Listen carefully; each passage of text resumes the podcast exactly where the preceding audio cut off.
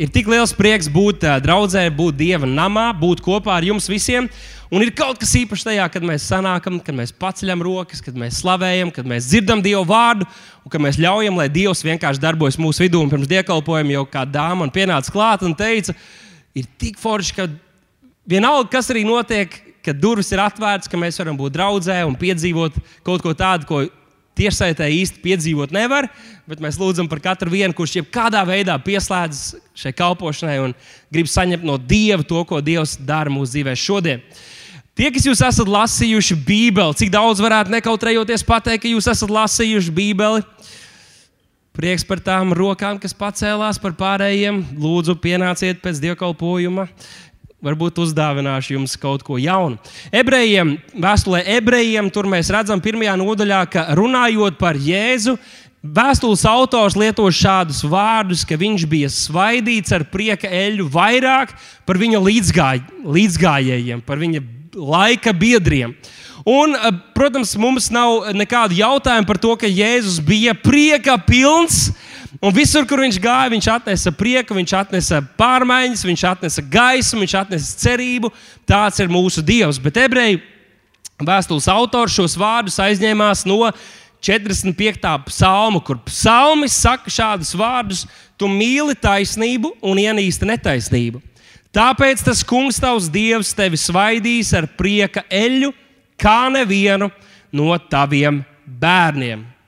Wow! Brīnišķīga šī prieka eļļa, un jūs jau zinat, ka mēs dzīvojam laikā, kad cilvēki ir gatavi ļoti daudz finanses patērēt, laika patērēt, lai tikai gādātu par savu veselību. Cik daudz jūs zinat kādus, eh, kas eh, diezgan daudz ieguldīs tajā, lai viņiem būtu laba veselība? Vai ir vismaz kāds paziņa, vai jūs paši esat? Un tas ir labi. Veselība jau ir laba lieta. Dievs arī vēlas, lai, eh, lai, lai mēs esam veseli un uh, Vienalga, kas ir jādara, lai mēs tādi būtu, mēs esam gatavi cīnīties par šo veselību, lai mēs varētu piepildīt savu aicinājumu, lai mūsu, ne, mūsu dzīve nebeigtos priekšlaicīgi. Bet jūs saprotiet, ka ir cilvēki, kas ir gatavi iztērēt lielas naudas, lai pirktu visādus uh, vitamīnus. Uh, Kādas operācijas, procedūras veiktu, lai izskatītos labi, lai justos labi.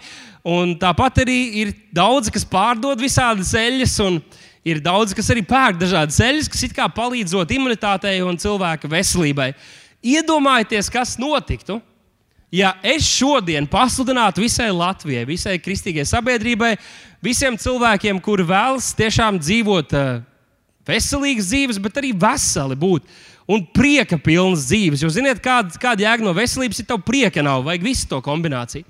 Un lūk, ja es šodien pateiktu, ka šī eļļa, par kuru runā gan vecā derība, gan jaunā derība, es, atrad, es esmu atradis to esenci, un es esmu pie tās ticis, un es to arī pārdodu.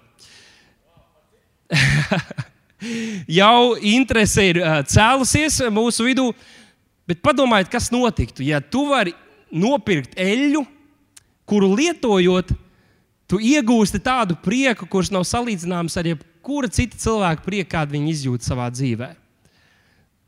Cik daudz cilvēku būtu gatavi stāvēt rindās, maksāt lielas naudas, lai to iegūtu.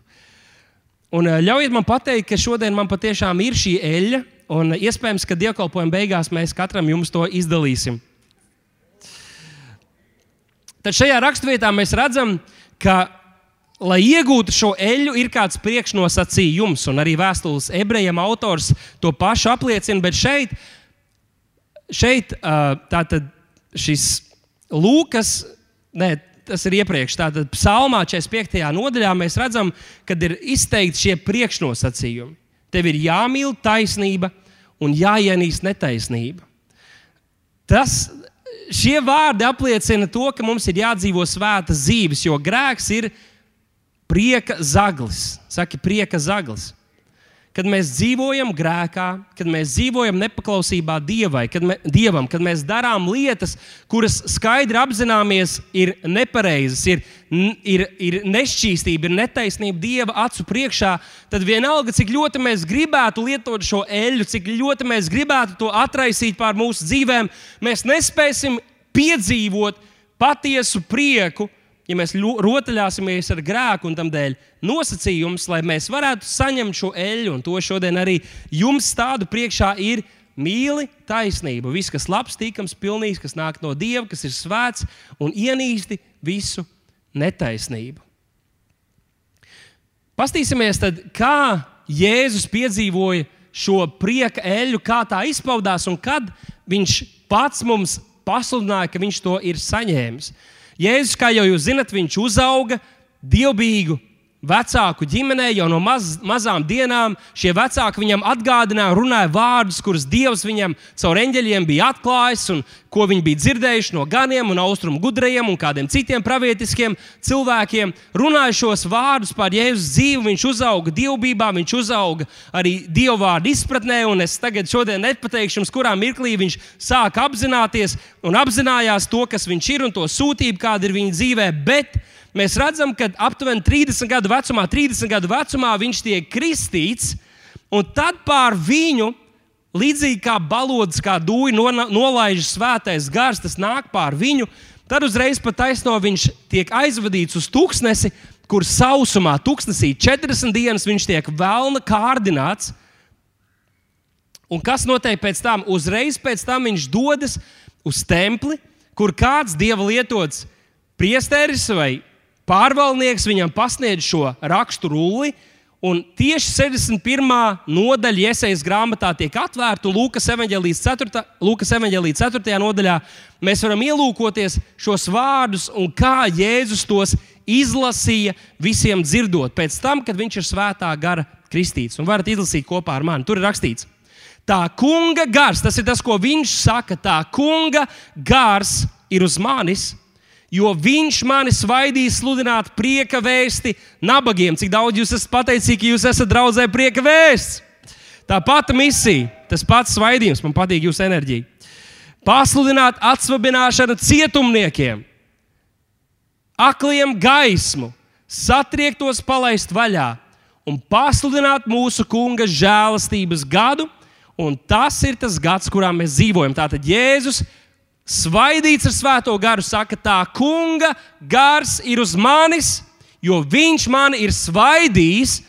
Sludināt, viņš man ir svaidījis, pasludināt, viņš man ir svaidījis, atbrīvot, viņš man ir svaidījis, satriektos palaist vaļā.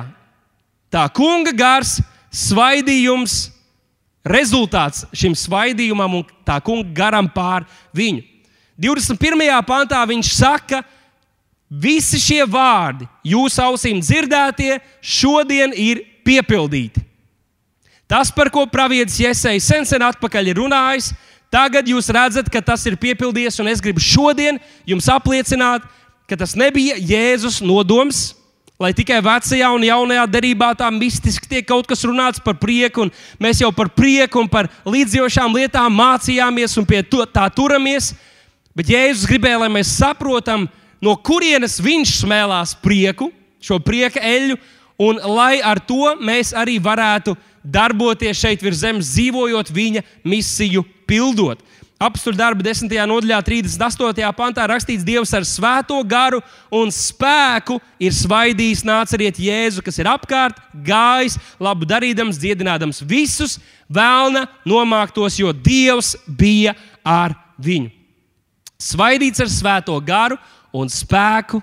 Un ļaujiet man jums pateikt, ka vecā un jaunā derība ir vienasprāts, ka tā autoritāte, kuru pauda Jēzus, kurā dzīvo Jēzus, bija pār viņu tam dēļ, ka pār viņu dusēja svētā gara svaidījums, svētais gars, kurš bija nonācis pār viņu viņa kristību dienā.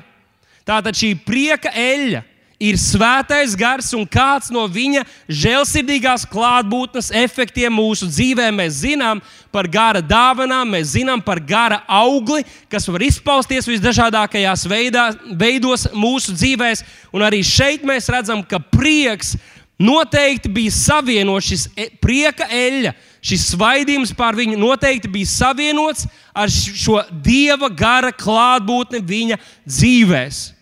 Ļaujiet man, tev, ļaujiet man jums pateikt, ka tad, kad svētais gars ir nācis pār mums, viņš nenāk vienkārši kā spēja runāt debesīgās valodās, lai gan arī to mēs varam, un tā ir brīnišķīga dāvana. Viņš nenāk tikai kā miers, ko pasaule nevar dot. Bet viņš nāk kā dieva pilnība, kas iemājo mūsos, un tam dēļ viss, kas ir Dievā, ir pieejams mums. Amen! Viss, kas ir Dievā, viss, kas ir Dieva pilnībā, tas ir pieejams mums caur dārgo svēto garu. Un tādēļ šodien es gribu īsi pieskarties tam, kas tad ir svaidījums. Pasaki, svaidījums. Cik daudz jūs kādreiz esat izjutuši svaidījumu pār savu dzīvi? Tas ir vai nu attiecībā uz kalpošanu, bet tas tāpat var būt arī teiksim, jūsu darba vietā. Ja tu esi uzņēmējs, ja tu esi kāds darbinieks un tev ir kaut kas uzticēts, tad tu vari paļauties un ticēt, ka Dieva svaidījums, svētā gara palīdzība, pamudinājums, dāvanas ir pār tavu dzīvi ne tikai vienā no tavas dzīves sfērām, bet arī visur, kur tu darbojies. Ir svaidījums priekš ģimenes, svaidījums priekš bērnu audzināšanas, svaidījums priekš kalpošanas, kas ir īpaši šīm kalpošanas dāvanām, svaidījums priekš tavu biznesu, svaidījums priekš citām lietām, un par to mēs jau iepriekš esam runājuši, kur jau vecajā derībā rakstīts, ka Dievs īpaši ir svēto garu devis kādiem, kas ir tēlnieki, kādiem, kas ir mūziķi, lai pagodinātu Dievu. Tātad svaidījums ir kaut kas, ko mums visiem vajadzētu piedzīvot, kas mēs esam svētā gara uh, kristīti. Un šeit, Bībelē, īpaši jaunajā darbā, mēs redzam arī, ka dažās vietās tiek runāts par to, ka mēs esam svaidīti, ka mums ir svaidījums. Un viena no raksturvietām, kur tas ir runā, par to runāts, ir tā ir pirmā Jāņa vēstule, otrā nodaļa, kur trīs reizes Pāvils, tātad Jānis, runā par šo lietu. Viņš saka, jums jau ir svaidījums no svētā, jums nevajag, ka kāds jūs mācītu. Un tur mēs skaidri saprotam, ka viņš runā par svētā gara kristību. Viņš runā par svēto garu, kurš ir klātesošs. Un tādēļ neviens mums īsti nevar neko iemācīt, jo svētais gars ir tas, kurš atver vaļā vārdu. Svētais gars ir tas, kurš atgādina to, ko mēs esam dzirdējuši, ko mēs esam lasījuši, ko Dievs uz mums ir runājis. Un tādēļ mums nevajag, lai uz katru soli visu laiku mums māca un kaut ko atgādina, jo svētais gars ir pār mums. Bet šis vārds, kuru lieto Jānis šajās vēstulēs, ir vārds krizma, krizma, kas nozīmē īpaši svētā gara dāvinājums vai pamudinājums. Un es ticu un ceru, ka jūs jau to esat baudījuši, jutuši, un ja neesat, tad šajā nedēļā raisiet to vaļā un ļaujiet lai jūs sajūtat šo svētā gara pamudinājumu savā dzīvē, kas bieži arī ir vienkārši caur brutālu vārdu, ko izlasi un saproti, ka tev ir jāpaklausa viņam. Uh, un krīzma, šis vārds krīzma, jūs saprotat, ka no tā ir atvesināts arī vārds, ko mēs visi labi pazīstam, kas ir harizma. Un harizmas burtiskā nozīme, ierakstiet tezaurā, ir dieva žēlastība, īpaša labvēlība. Halleluja! Tā kā, ja kāds kādreiz jums pārmet, ka jūs esat harizmātisks personības, tad no vienas puses tas ir kompliments, jo jā, jūs varat teikt, es esmu cilvēks, kurš izjūt kaut kādu autoritāti un iemanto kaut kādu vārdu dēļ īpašām manām prasmēm, spēju runāt, spēju domāt, tā tālāk. Bet pirmā vissvarīgākā nozīme, ko mums vajadzētu pieņemt, ir, ka mēs esam saņēmuši dievu žēlstību un īpašu labvēlību, un ko visi harizmātiskie teica. Amen! Bet šis vārds krizma ir atvasināts no cita vārda, kas arī jaunajā derībā ir lietots piecas reizes, un tas ir krijo, kas būt, būtībā nozīmē iesmērēt ar eļļu vai atvēlēt, nošķirt kādai pozīcijai vai reliģiskam uzdevumam. Piemēram, tad, kad Jēzus saņem šo svētā gara kristību, pirms tam mēs redzam, ka viņš nedarīja nekādas zīmes un brīnumus. Viņš bija paklausīgs saviem vecākiem, viņš gatavojās kalpošanai, un kad svētais gars nonāk pār viņu dzīvi, tad kas notiek? Viņš tā kā tiek svētīts, viņš tiek nošķirts, viņš tiek uh, apdāvināts, viņa, viņam tiek dāvāts visas šīs uh, nepieciešamās uh, spējas, autoritāte un, un, un lietas, kas nepieciešamas, lai viņš paveiktu šo savu kalpošanas darbu šeit virs zemes, esot simtprocentīgs cilvēks un tajā pašā laikā simtprocentīgs dievs. Un tāpat arī mēs kad mēs saņemam svētā gara kristību, arī caur to mēs saņemam visu, kas nepieciešams. Saki, visu, kas nepieciešams. Lai mēs ne tikai dzīvotu un izdzīvotu, bet lai mēs piepildītu savu aicinājumu, kas Dievam ir priekš mūsu dzīvēm. Jāpiebilst, ka arī Jēzus Kristus, šis vārds Kristus ir Kristos, kas nozīmē svaidītais, un kristiānos, kas nozīmē kristieši, ir Kristus sekotāji vai tie, kas seko svaidītājam un svaidītajam, un līdz ar to šis svaidījums ir arī pār mums. Un tātad svaidījums ir svētais gars un viņa klātbūtnes ietekme mūsu dzīvē. Un man šodien jums ir divas ziņas. Viena ir laba ziņa, un otra ir slikta ziņa. Pirmo es pateikšu slikto. Šodien es jums nevaru pārdot šo prieku eļļu, kurus esmu atklājis.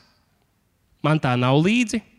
Nē, man tā ir līdzi, bet es jums to nevaru pārdot, un es jums to nevaru iedot. Labā ziņa ir tā, ka šī prieka eļļa jums jau ir.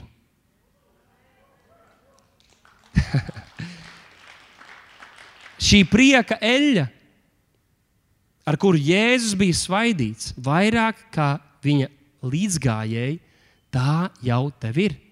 Tā tev jau ir pilnībā pieejama. Iesaistīts grāmatas 53. nodaļā, 3. pantā, mēs redzam, kur ir runāts par Jēzu. Un tur viņš tiek raksturots šādiem vārdiem, ka viņš ir vīrs, kam nebija svešas sāpes un kas bija norūdīts ciešanās. Mēs saprotam, ka tā laika cilvēki, kuri nebija reliģiski fanāti, kuri bija mazliet uh, sagrozījuši un neizprata Dievu vārdu, cilvēki vēlējās būt kopā ar Jēzu. Jo viņš nebija tas, kurš vienmēr viņus rāja, viņš nebija tas, kurš tikai stāstīja par Elu un gribēja viņus sodīt. Nē, viņš viņus mīlēja, un viņš noteikti nesa prieku, viņš nesa cerību ar to vēstu, ko viņš runāja. Viņš nesa cerību ar saviem acu skatieniem, un tie, kas viņam bija tuvu klāt, pienākuši, kas dzirdēja viņa vārdus, kas redzēja viņa acis, kas ielūkojās šajā godības ķēniņā, kurš staigāja visu vidū, viņi noteikti redzēja šo.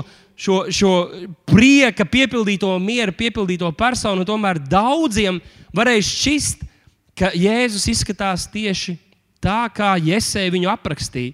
Ka tas nebija tikai šis vieda dolorosa, ka tas bija šis brīdis, jo Bībelē mēs redzam, ka ik pa laikam Jēzus vai nu kalpošanas laikā, vai pirms kalpošanas viņš iežēlojas, viņš skumst, viņš, viņš kādās vietās viņš raud. Tas ir īsākais, īsākais pants, īsākais teikums Bībelē. Jēzus raudāja.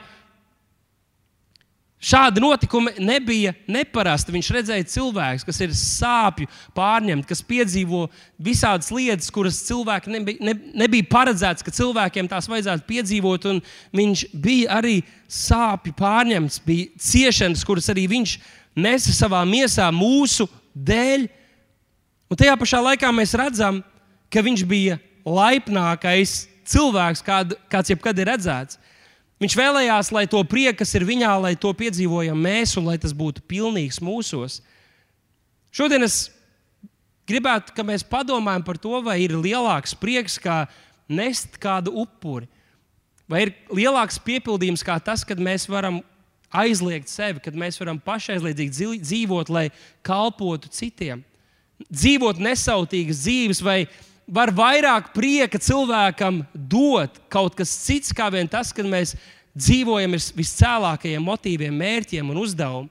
Un Jēzus piedzīvoja tieši to. Nevelti šajā laikā mēs dzirdam par cilvēkiem, kuri ir piedzīvojuši to, pēc kā pasaule varētu tiekties, un tomēr saprot, ka tur nav ne piepildījuma, ne prieka. Un pirms kāda laika kāda persona man rakstīja un sūtīja domas dažādas, ka Mēs esam patiesi laimīgi, un dzīves jēga ir atrast patiesību sevi un atklāt sevi un dzīvot priekš sevis, un viss tā, ko tu saproti, kas ir tevī, ka mums to vajag izdzīvot. Un man šķiet, ka tas ir diezgan absurds apgalvojums no viņas puses, jo mana dzīves pieredze un arī Dieva vārds mums apliecina to, ka laimīgāks ir tas un priecīgāks ir tas, kurš dod, nevis tas, kurš saņem.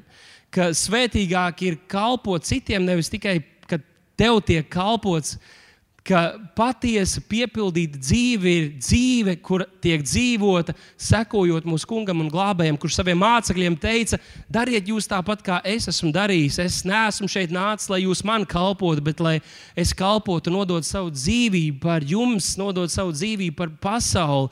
Un sekojot šim piemēram, mēs varam dzīvot patiesi laimīgas un prieka piepildītas dzīves. Taču Jāņa Evangelija 4. nodaļā, 32. pantā, Jēzus teica tādus interesantus vārdus. Jēzus saka saviem mācekļiem, man ir ēdiens, ko es ēdu, ko jūs nepazīstat. Vēl tajā laikā jūs to nevarējāt pazīt, lai gan pēc tam apstuļi mēs redzam, ka jau liecināja, ka viņiem ir gluži tāda pati eh, nu, izpratne par lietām. Jēzus teica, jā, jūs varbūt šajā pasaulē viens no jūsu dzīves priekiem, iepriecinājumiem ir nezinu, paceļot, ir, ir apēst kaut ko garšīgu. Ir cilvēki, kas reliģiski dodas uz restorāniem, lai izgaršot kādas jaunas garšas, un tas noteikti sagādā daudz prieka. Un tomēr Jēzus saka, ka man ir ēdiens, man ir kaut kas, kas dod piepildījumu, man ir kaut kas, kas dod prieku, paliekošu prieku. Kaut kas tāds, ko jūs eh, nepazīstat, vēl tajā laikā nevarējāt saprast. Un es gribētu šodien padalīties ar divām lietām, kuras Jēzum dāvāja prieku. Protams, ir glābšanas prieks, ko, ko, ko mēs varam saņemt, un svētā gara auglis, prieks, kas arī mājo mūsos. Tomēr divas lietas, kuras Jēzum dāvāja milzīgu prieku, un arī mums vajadzētu mācīties šo prieku no tādām lietām smelt. Pirmkārt, viņam bija prieks par tēva uzticēto uzdevumu. Viņam bija prieks par šo lielo uzdevumu un misiju, kuru tēvs viņam bija uzticējis. Kopš mirkļa, kad svētais gars nāca pār viņu, ar kādu aizrautību, ar kādu nodošanos, ar kādu deksmi viņš darīja šīs lietas, kam tēvs viņu bija aicinājis. Viņš dzīvoja attiecībās ar tēvu, raugoties uz tiem vārdiem, ko tēvs saka, uz tiem darbiem, ko Dievs dara. Un tad ar tādu entuziasmu to vēlējās un to darīja arī savā dzīvē. Mēs redzam, ka kalpošanā ir kāda brīža, kad viņš tik ļoti ir pārņemts ar šo. Un, ziniet, kāda varētu uh, asociēt to ar sevi, kas ir varbūt darba holiķi, kas ir kādos tādos deadline'os centušies iesprāsties, un tu saproti, ka tev ir jāizdara tik daudz, ka tu aizmirsti vairākas ēdienreizes, vai pat ka tev ir jāguļ, jo tu dari to, kas tev ir jādara. Un gluži tāpat Jēzus bija tik ļoti sajūsmināts, tik ļoti prieka pārņemts par to uzdevumu, ko Tēvs viņam bija devis, ka viņš aizmirst paēst, un mācekļiem viņam bija jāatgādina, ka tas viņam ir jādara. Vēl pirms Jēzus kalpošanas sākuma mēs redzam, ka viņš jau ir tik ļoti sajūsmināts, prieka piepildīts par uzdevumu un misiju, ko Dievs viņam ir devis. Kā Lūkas evanģēlī otrajā nodaļā, kad mēs redzam, ka vecāki ir devušies ar viņu uz Jeruzalemi un pēc tam devušies prom un atcerās, ka kaut kur viņš ir aizmirsts, tad viņš sēž sinagogā, viņš runā ar bauslības mācītājiem, un kad vecāki nāk viņu saukt, tad viņš saka, Vai jūs nezināt, ka man ir jādarbojas man tēva lietās? Viņš bija tik sajūsmināts. Vai mēs esam sajūsmināti par to uzdevumu, par to plānu, kāds Dievam ir priekš mūsu dzīvēm? Jā, tas ir milzīgs prieka avots.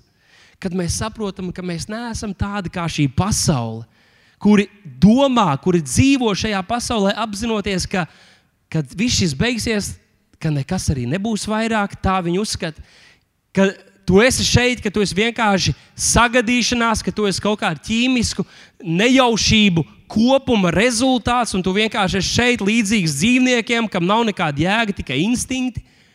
Mēs zinām, ka Dievs mūs ir radījis, mūs ir nolicis šeit, šajā konkrētajā laikā, lai mēs paveiktu kaut ko Tēva labā. Tēvs mums uzticās.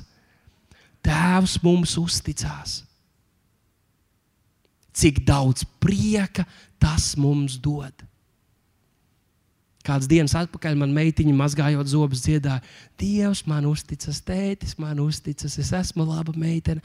Cik daudz prieka dod mums tas, kad mēs apzināmies, ka Tēvs mums uzticas, ka Viņš mums ir uzticējis kaut kādus savas misijas daļu. Nevienam no mums negulstās pilnīgi viss Dieva valstības svars uz mums, bet mums katram ir iedota svece, mums katram ir iedots talants, kur mums ir jālieto šajā pasaulē. Es atceros kādu liecību, kad Kaspars, man liekas, tēva dienā dalījās uh, video par to, ka viņš bija braucis ar tādu lielu autobusu, uh, un tēvs bija sēdējis blakus viņam mazam vēl esot. Uh, Un tad viņš bija braucis, braucis, un pēkšņi paskatījās, ka tēvs vairs nav blakus, un ka tēvs ir kaut kur aizmugurē aizgājis un apsēdies. Un viņš saprata, ka tētis viņam uzticas, un tas viņam nozīmē ļoti daudz. Ļauj man te pateikt, Dievs tev uzticas. Viņam nav plāns B, tu esi viņa plāns A kopš mirkļa, kad tu tiki glābts. Viss šis viņa nodoms, plāns tika aktivizēts tavā dzīvē, un tu vari tajā dzīvot. Dzirdi, viņš tev uzticis, un viņš tev ir uzticējis kādu īpašu uzdevumu. Dievs ir tik labs. 40. psalmā, 9. pantā, psalmis saka, man ir prieks dzīvot pēc tava prāta, mans Dievs, un tavi likumi ir ierakstīti dziļi manā sirdī. Man ir prieks dzīvot un pildīt tavu aicinājumu pildīt tavu prātu, tavs prāts manā dzīvē, lai piepildās. Bet ne tikai viņam bija prieks par uzdevumu, ko Dievs viņam bija uzticējis, par šo misiju, ko Dievs viņam dāvāja, Dievs Tēvs viņam dāvāja, bet viņam bija prieks arī no šī uzdevuma pildīšanas. Ziniet, kad mēs kādreiz kristietību noreducējam tikai līdz lielajai pavēlei un draudzes apmeklēšanai un ziedošanai, tad kādi varētu domāt, nē, nu, tas ir tā kā piespiedu kārtā, tas ir kā sakot zobus un dari to. Bet mūsu aicinājums ir kaut kas daudz vairāk. Protams, mīli Dievu, mīli cilvēku, sludini evaņģēlīju. Tas ir pats pats galvenais, un tas atnes tik daudz prieka. Vai jūs esat kādreiz kādu atveduši pie Kristus? Vai jūs esat kādreiz kādu cilvēku, kurš bija pazudis, kādu, kurš noliedz Dievu, kādu, kurš dzīvoja grēkā? Jūs esat lūguši, jūs esat ticējuši, jūs esat sludinājuši un redzējuši, kā, viņš, kā viņa dzīve izmainās, kā viņš atnāk pie tēva un piedzīvo viņa mīlestību. Cik daudz prieka tas dod! Cik daudz sajūsmas tas atnes sirdī, pat tad, kad tu vienkārši kādam pasludini evaņģēlīju, tu esi tik prieka piepildīts. Bet Jēzum bija prieks, kurš mums nav izprotams. Jēzum bija prieks daudz lielāks nekā jebkuram cilvēkam tajā laikā un arī pēc tam. Jo viņam bija prieks par to, ka viņš ir ne tikai spējīgs pastāstīt par šo glābšanas ceļu, bet viņš ir šīs glābšanas ceļš. Viņš ir iemesls, kāpēc cilvēki, kas ir mūžīgā pazušanā norakstīti, var piedzīvot Dievu, var piedzīvot dievišķo pilnību cik daudz prieka ir pildot šo viņa aicinājumu, pildot šo uzdevumu, kas Dievam ir priekš mūsu dzīvēm. Lūkas evanģēlīja desmitajā nodaļā mēs redzam, ka Jēzus kalpo cilvēkiem, un viņam tas noteikti prasa piepūli, viņš ir noguris, un tad pēkšņi rakstīts tajā pašā stundā viņš kļuva svētā gara prieka pilns, viņš kļuva prieka pilns, un viņš saka, Tēvs! Es tev pateicos, ka visas šīs valstības lietas tu esi atklājis mums, naiviem bērniem, kas vienkārši mēs uzticamies tavam vārdam un esi apslēpis šīs pasaules gudrajiem. Viņš bija prieka pilns kalpošanas laikā. Prieka pilns, zini, ko arī tava darba vieta ir kalpošana, tava ģimene ir kalpošana. Ļauj, lai dievišķais prieks piepilda tev, tavu dzīvi. Un lai ne tikai tu smelies prieku, ka tu esi draudzē, slavēšanā vai tavā personīgajā laikā, bet ka tu redzi, ka tas ir Dieva uzdevums, kuru tu vari pildīt, un tam dēļ prieks nāk arī no tā, kas dod tev spēku un piepildījumu. Ebrejiem 12. nodaļā, 2. pantā, vēstules autors, un šeit es lasu jauno tulkojumu, saka šādus vārdus: Uzlūkosim, raudzīsimies uz mūsu ticības aizsācēju un piepildītāju. Jēzu, kas viņam sagatavotā prieka dēļ, par kaunu nebēdādams, ir pacietis krustu un nosēdies Dieva tronim pa labai rokai. Viņš saka, raudzīsimies uz Kristu, kurš ir parādījis mums piemēru, kā šajā pasaulē, kā šajā laikā dzīvot, kad būs bēdas, būs grūtības, būs ciešanas, būs vajāšanas. Viņš ir parādījis, kā mums dzīvot. Viņš saka, lūk, kā Jēzus to darīja, ieklausieties. Tad, kad bija grūti, kad bija ciešanas, kad bija smagi, tas ir viņa krusta ceļā, krusta nāvē, bet arī pirms tam, kad viņš saskārās ar tiem pašiem izaicinājumiem, līdzīgi kā mēs saskaramies. Kad viņš redz, ka viņa tūs draugs Lācers ir nomiris, kad viņš redz, ka cilvēki cieši, kad ir, ir milzīgs depresijas un smagu, smags gars tur visapkārt. Ko viņš darīja? Viņš raudzījās uz prieku, kas bija viņam priekšā. Viņš raudzījās uz priekšu, līdzīgi kā Ābrahāms, citi ticības varoņi. Viņi raudzījās uz to, kas viņiem ir apsolīts. Tā Jēzus raudzījās uz priekšu, kurš viņam būs tad, kad šis uzdevums, kad šis periods, kad šis posms tiks izturēts, kad tas tiks pabeigts, tos prieku, ko viņš saņems. Un tas kļuva par viņa spēku, tas kļuva par viņa izturību, kas palīdzēja uzturēt ticību, pacietību. Tas bija tas, kurš viņam palīdzēja nesalūst, iziet cauri tam arī ģecemenes dārzā. Viņš raudzījās uz priekšu, tēvs, ne mans prāts, bet tavs prāts, lai notiek. Tāds ļoti populārs sludinātājs savulaik Spērģents ir teicis šādus vārdus, to nedaudz atrefrēju latviešu. Viņš teica tā, ja tev ir maza nasta, kuru nest, tev var būt pārmērīgi daudz spēka, kuru tu vari izrādīt lecot un skrienot. Bet, ja tev ir ļoti smaga nasta, tas, ka tu turpini to vilkt, ir tikpat liels pierādījums tavam spēkam.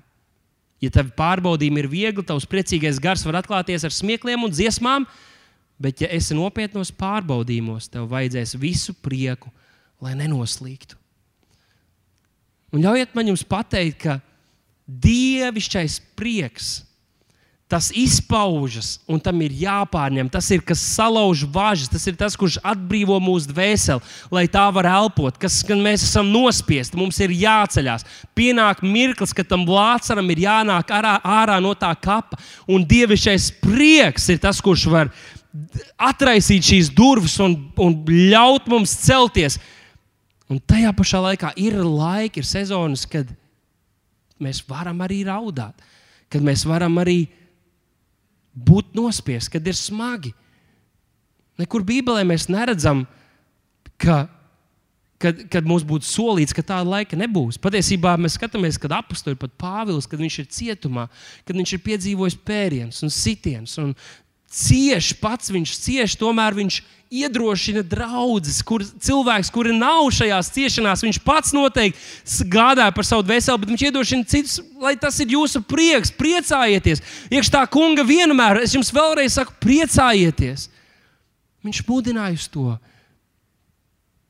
Bet ko es cenšos pateikt?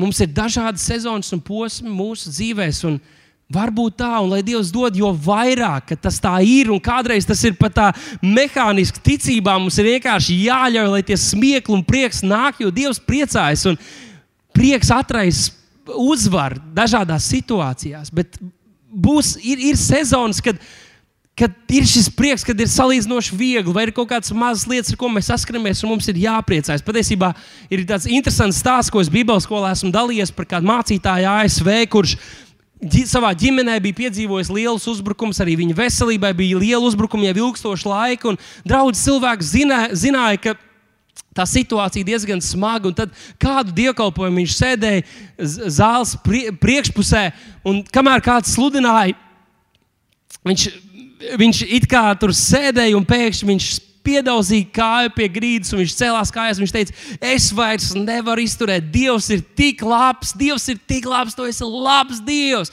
Tu esi labs Dievs, un viņš sāk vienkārši slavēt un pateikties Dievam. Un es zinu, ka tas parāda to, kā mēs daudz esam jutušies un uzvarējuši cīņas un izgājuši cauri kādām sezonām.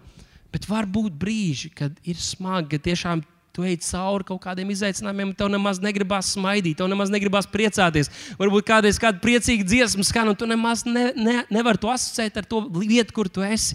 Ļauj man pateikt, Dieva prieks ir tas, kurš dod tev spēku. Arī tādā laikā, tādā sezonā nepadoties, nenoslīgt, nesalūst, bet turpināt ticēt, turpināt virzīties uz priekšu. Ļauj, lai Dieva, Dieva prieks tevi tur. Viņa prieks ir mūsu stiprais patvērums, viņa prieks ir mūsu spēks. Ļauj, lai viņš ir tavs spēks. Tad, kad tu esi vājš, viņš ir stiprs tevī. Ļauj, lai šis prieka eļļa plūst, lai tā dara savus darbus tevī, lai tā izved tevi cauri. Ja pat tev šķiet, ka tu atrodies nāves ēnas ielā, tomēr ļaunums tevi neskars. Un Dievs ir tavs labais gans, Viņš tevi izvedīs cauri. Viņš izvedīs cauri un pienāks sezona, kad tas spēka, prieka spēks, kas ir tevī, ka tas varēs atraisīties un būt redzams. Ļauj, lai viņa prieks ir tavs spēks šodien, lai viņš tevi patur, lai viņš tevi ved uz priekšu. Iesaistās grāmatas 61. nodaļā. Mēs lasām no pirmā panta šos vārdus, ko Jēzus citēja, bet Jēzus apstājās ar otro pantu, bet trešajā pantā mēs redzam, ka ir rakstīts vēl kaut kas par šo misiju, ar kādu viņš nāca šajā pasaulē.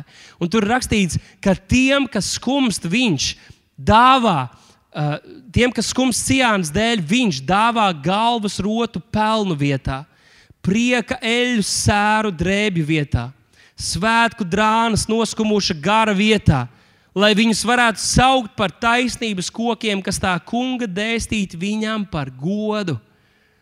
Viņš atnāca ar misiju ne tikai mūs glābt, bet arī pēc visa, ko esam piedzīvojuši, šajā pasaulē, salauztajā, sabojātajā pasaulē, pēc visa, ko esam piedzīvojuši, kas ir skāruši arī mūsu šīs lietas, viņš ir atnācis, lai pelnu vietā dotu mums galvu rotu, lai drēbju, sēru drēbju vietā dotu mums prieka eļu, ko tikai viņš var dot.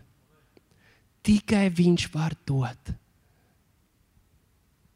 Nāciet visi, kas esat grūtsirdīgi. Es jūs gribu atvieglināt. Dieva prieks ir tavs spēks. Un arī šodien viņš šo eļu bagātīgi dāvā visiem, kas to patiesi meklē un vēlas piedzīvot. Bet šīs lietas viņš mums ir dāvājis, jo pirmkārt viņš ir taisnīgs, Jēzus ir taisnais, miris par netaisniem. Un otrkārt, jo ar tā palīdzību viņš mūs dara taisnu. Viņš, dara mūs par taisnības kokiem, kas mēs nesam augļus viņa valstībā. Dieva gars mūsos. 23. psalmā psalmis saka šos vārdus: Tu svaidi ar eļļu manu galvu, mans kaus ir piepildīts līdz, līdz pat malai, pilns līdz pat malai.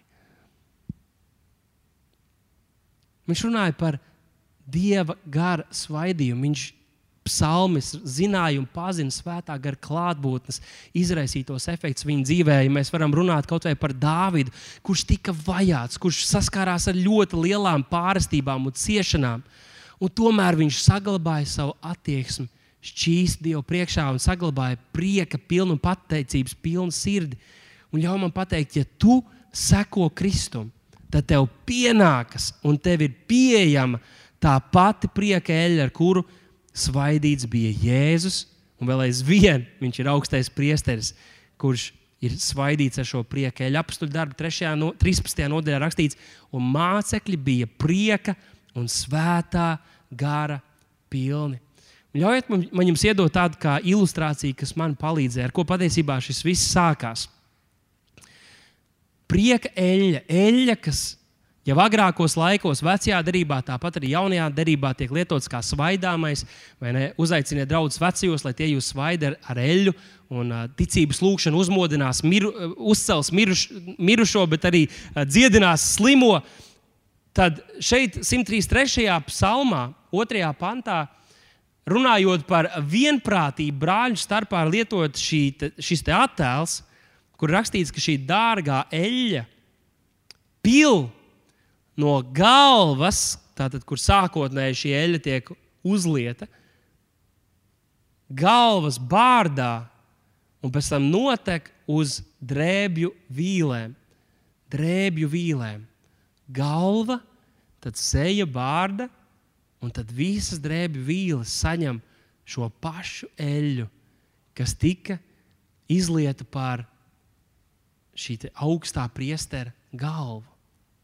Mēs esam Kristus miesa. Mēs esam Kristus miesa. Kristus ir savas draudzes galva.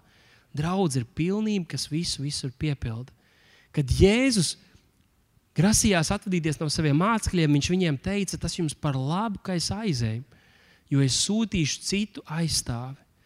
Citu, kas nozīmē citu personu, bet tādu pašu kā es Viņš teica, kas būs ar jums līdz pasaules galam. Viņš būs ar jums.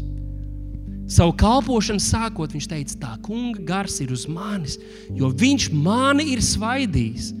Noslēdzot savu kalpošanu, viņš saka, tā kunga gars būs pār katru vienu no jums, jo viņš jūs ir svaidījis ar to pašu prieka eļļu jums tā būs vajadzīga. Un tāpēc šodien es vēlreiz saku tev, ja svētā gara klātbūtne ir pār tavu dzīvi, tev šī prieka eļļa ir pieejama, tā ir tev pieejama. Kādiem tas izpaužas kā prieks un smieklis, un tas ir vajadzīgs. Tas ir pat vairāk vajadzīgs par raudāšanu, bet kādiem var būt, kad ir tā sezona, kad tev nepietiek spēka priecāties, bet Dieva prieks ir tavs spēks, kas tev izvedīs cauri.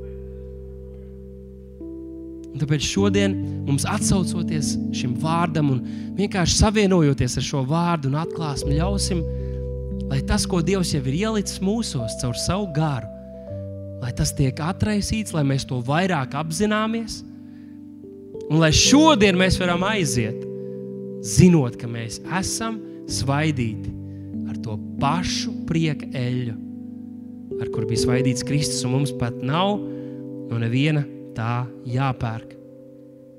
Efeziešu vēstules 5. nodaļā, 18. pantā Pāvils raksta šai draudzēji, Efezē. Viņš saka, neapraibināties ar vīnu, no kā rodas izlaidīga dzīve, izslaid, izlaidīga dzīve bet topiet gara pilni. Runādam citu citu psalmos, himnās, garīgās dziesmās, dziedādam un slavādam to kungu savā sirdīs.